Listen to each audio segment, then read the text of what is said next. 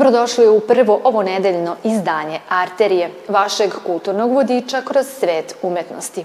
Prethodnu nedelju zaokružio je nastup jednog od najvećih pijanista današnjice, a dašak atmosfere sa njegovog koncerta osetit ćete ako ostanete uz Arteriju, koja donosi sledeće priče. Rođenje i smrt jesu teme koje je istraživao umetnik Valentin Varga, čija je izložba otvorena u galeriji Suluba. Vrhunski pijanista Kemal Gekić ponovo se poklonio novosadskoj publici. Filmovi njujorških režisera predstavljeni u okviru ciklusa filmova u CK13.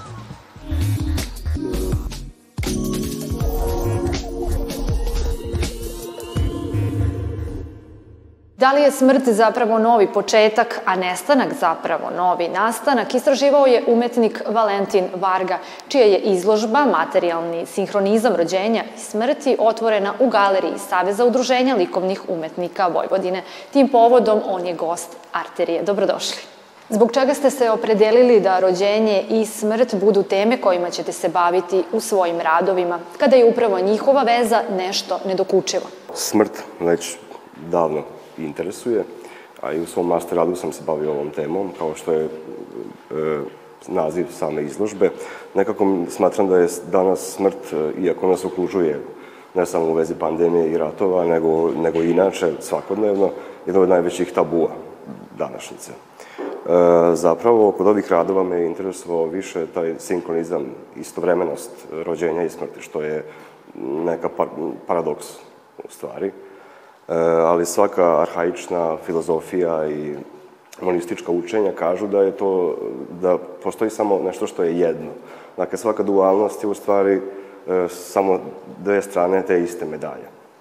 I u stvari to je taj sinkronizam, kao što je naslov stoji, to je više neka nadvremenska ili, ili vanvremenska istovremenost. Dakle, to ne postoji sad u ovom stvarnom svetu, nego u nekom metafizičkom smislu.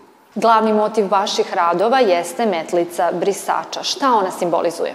Pa u svojim ranijim radovima sam koristio motive, predmete koje su direktno aludirale na rođenje ili na smrt, a u ovim radovima sam tražio nešto što je što već u sebi sadrži ta istovremenost i tako sam naišao na, na sam proces brisanja kao tako i onda iz, iz toga proizašao posle i sam, sam metlica brisača kao, kao motiv i kao, kao predmet, pa posle i neki procesi ovaj, personifikacije samog brisača, pa posle i depersonifikacije eh, sebe i svog tela i, i tako.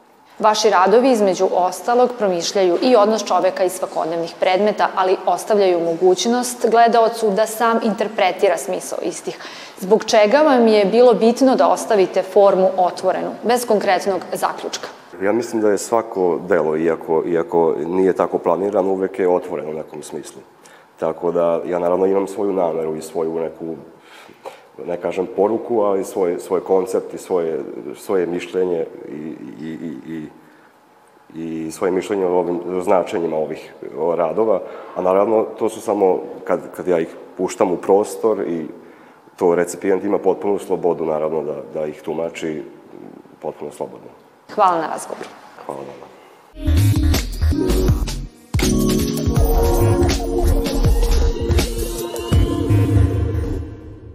Prethodna nedelja završena je koncertom jednog od najvećih pijanista današnjice.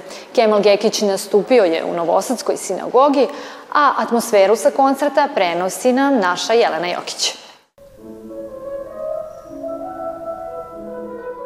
Svirao je po čitavoj Evropi i većem delu sveta.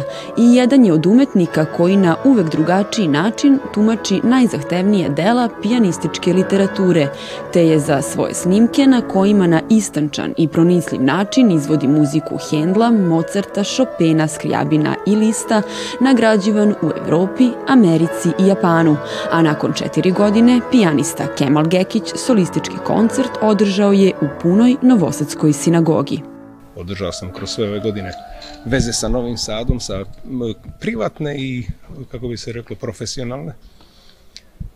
A za ovu posebnu dvoranu me vežu jako lijepe uspomene, sam tu dao niz koncerata kroz godine koji su bili upečatljivi i ostali su mi u Na Gekićevom repertoaru našle su se četiri remek dela četvorice velikana. U pitanju su sonate Mozarta, Beethovena, Chopina i Prokofjeva.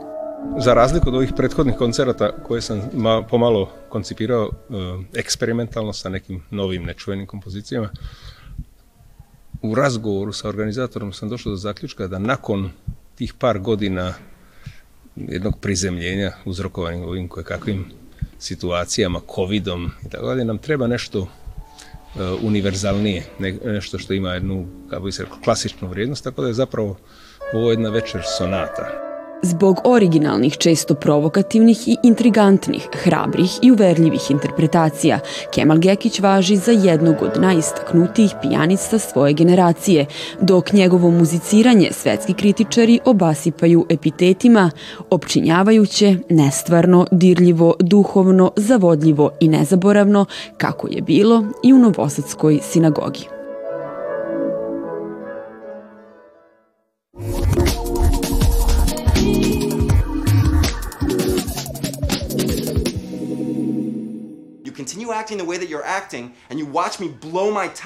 Besplatnom projekcijom komedije Daddy Long Legs, rediteljskog dvojca braće Josha i Benija Savdija, koja progovara o razvedenom ocu i balansiranju između privatnog života, posla i porodice, otpočeo je ciklus filmova njujorskih režisera priređen u Omladinskom centru CK13 u organizaciji Art Bioskopa te institucije.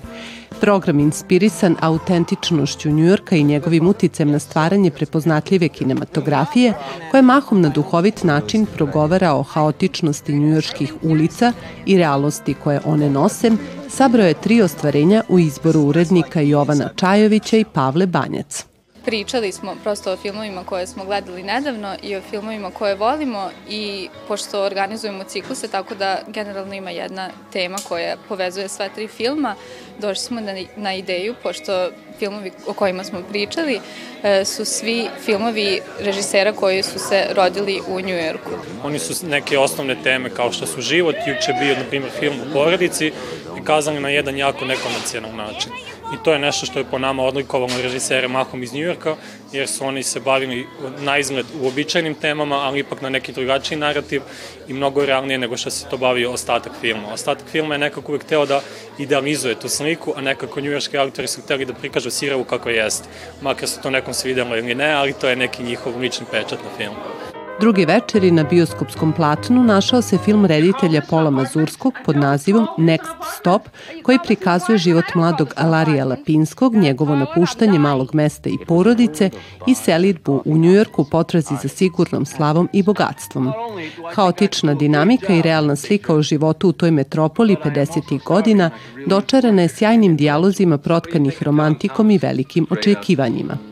U utorak 21. februara biće prikazana kultna realistična drama o psihičkom raskolu na izgled obične domaćice koja nosi naziv A Woman Under the Influence Johna Casavitesa iz 1974. godine kojem će ujedno biti zatvoren program. I can be that.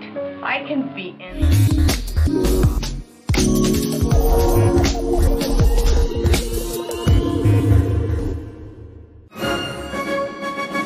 Prošli četvrtak u Beču obelažen je tradicionalni 65. operski bal.